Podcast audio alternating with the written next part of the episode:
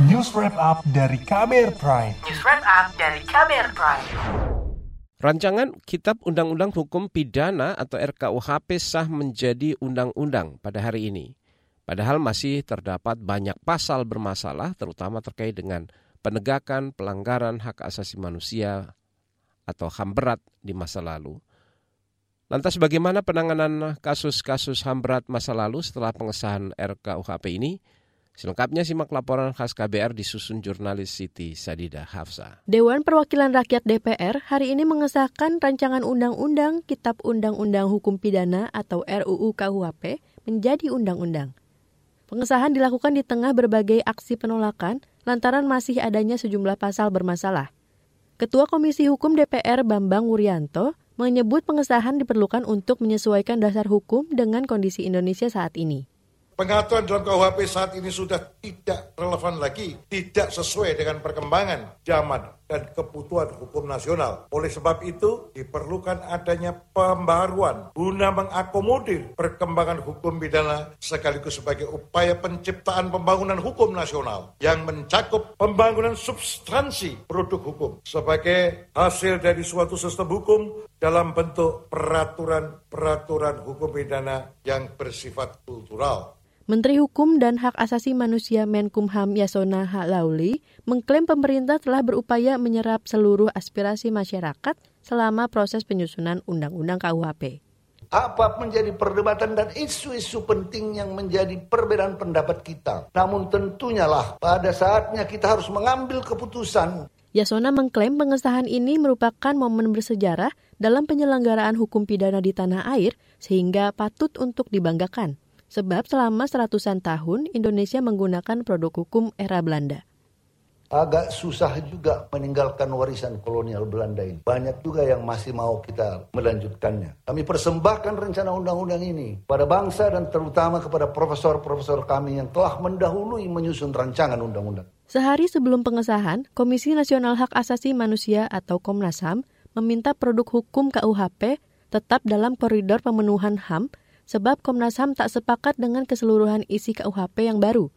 Berdasarkan analisis Komnas HAM, beberapa prinsip kurang berpihak terhadap penegakan HAM. Menurut Komisioner Komnas HAM Anis Hidayah, asas delik pelanggaran HAM berat dalam KUHP disebut tindak pidana berat terhadap HAM.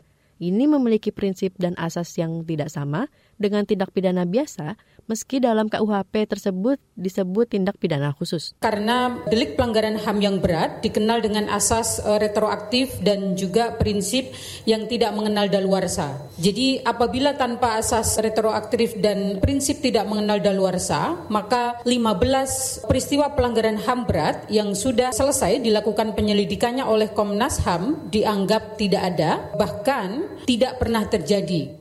Catatan lain misalnya soal kecenderungan ancaman pemidanaan penjara untuk kejahatan genosida yang menurun pada KUHP dibandingkan dengan Undang-Undang tentang Pengadilan HAM.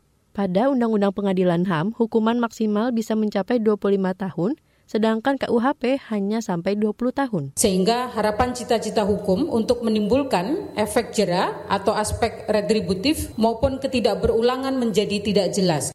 Apalagi menurut Anies, diaturnya genosida dan kejahatan kemanusiaan dalam KUHP justru dapat melemahkan bobot kejahatan atau tindak pidana biasa. Pertama, mengaburkan sifat khusus yang ada dalam kejahatan tersebut dapat berpotensi menimbulkan kesulitan dalam melakukan penuntutan atau penyelesaian kejahatan yang efektif, ketidakjelasan atau ketidakpastian hukum dengan instrumen hukum lain yang memuat ketentuan pidana di luar KUHP serta memiliki celah hukum. Anies menyebut masih perlu ada beberapa perbaikan dalam KUHP mulai dari penghapusan genosida dan tindak kejahatan manusia, hingga menghapuskan pasal-pasal yang berpotensi mendiskriminasi HAM lainnya. Peneliti Kontras Rozi Brilian juga satu suara dengan Komnas HAM.